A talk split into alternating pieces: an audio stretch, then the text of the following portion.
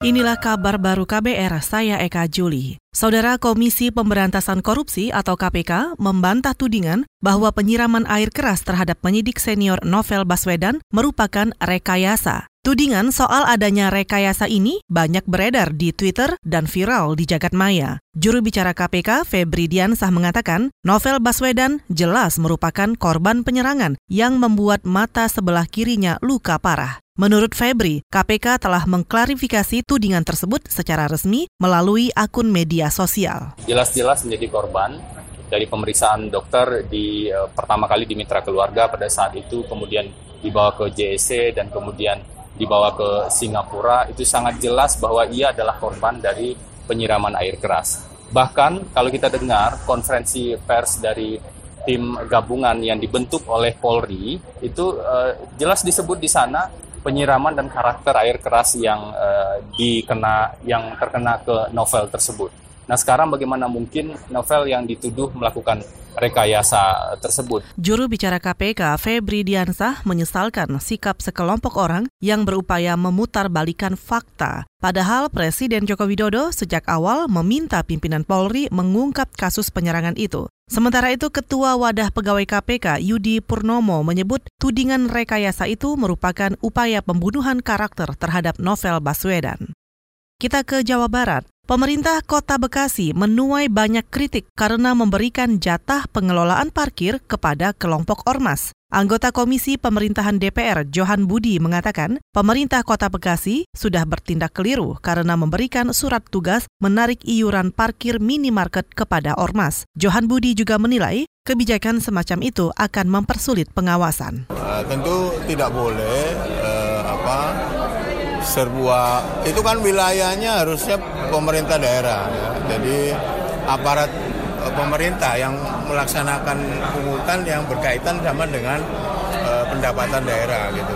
Itu tadi anggota DPR Komisi Pemerintahan Johan Budi. Sebelumnya beredar video yang kemudian viral di media sosial tentang aksi sejumlah kelompok masyarakat di Kota Bekasi, Jawa Barat. Kelompok seperti Forum Betawi Rempuk atau organisasi Forkabi menggelar aksi menuntut jatah pengelolaan parkir ke 600-an minimarket di Bekasi. Kepolisian bakal menelusuri dugaan adanya intimidasi yang dilakukan kelompok itu serta dugaan tindakan premanisme. Polisi berjanji akan menindak tegas jika terbukti ada tindak pidana.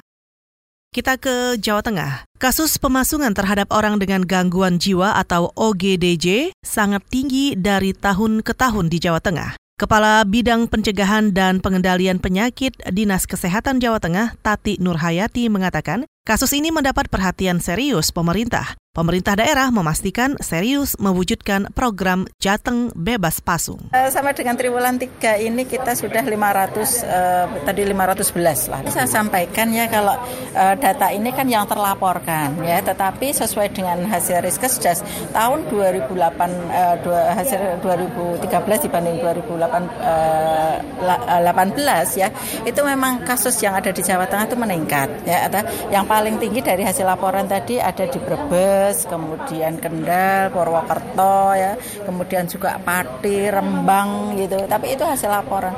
Kalau Pejabat saya... Dinas Kesehatan Jawa Tengah Tati Nurhayati mengatakan pemasungan sebagian besar dilakukan keluarga penderita orang dengan gangguan jiwa. Sebagian besar pemasungan terjadi karena keluarga tidak mampu membiayai pengobatan serta takut dengan penderita orang dengan gangguan jiwa atau OGDJ mengganggu lingkungan. Pada 2014, pemerintah Jawa Tengah menjalankan program Jateng Bebas Pasung namun pada 2017 jumlahnya meningkat dengan 360 kasus dan 2018 meningkat dua kali menjadi 650 kasus. Kita ke informasi olahraga. Klub sepak bola Manchester City harus menunggu lebih lama untuk memastikan lolos ke babak 16 besar Liga Champions Eropa. Pada pertandingan dini hari tadi, tuan rumah Atalanta asal Italia bermain mati-matian dan menahan imbang Manchester City dengan skor imbang 1-1. Ini merupakan satu-satunya poin yang berhasil diraih Atalanta dalam empat pertandingan di grup C. Sedangkan pertandingan ini juga hasil seri pertama yang diraih City. Sementara itu, di grup B, Tottenham Hotspur membuka peluang lebih besar ke babak berikutnya setelah mengandaskan klub asal Serbia, Red Star Belgrade dengan skor 4-0. Jika pada pertandingan berikutnya menang melawan Olympiakos, Spurs bakal lolos menyusul Bayern Munchen. Saudara demikian kabar baru, saya Eka Juli.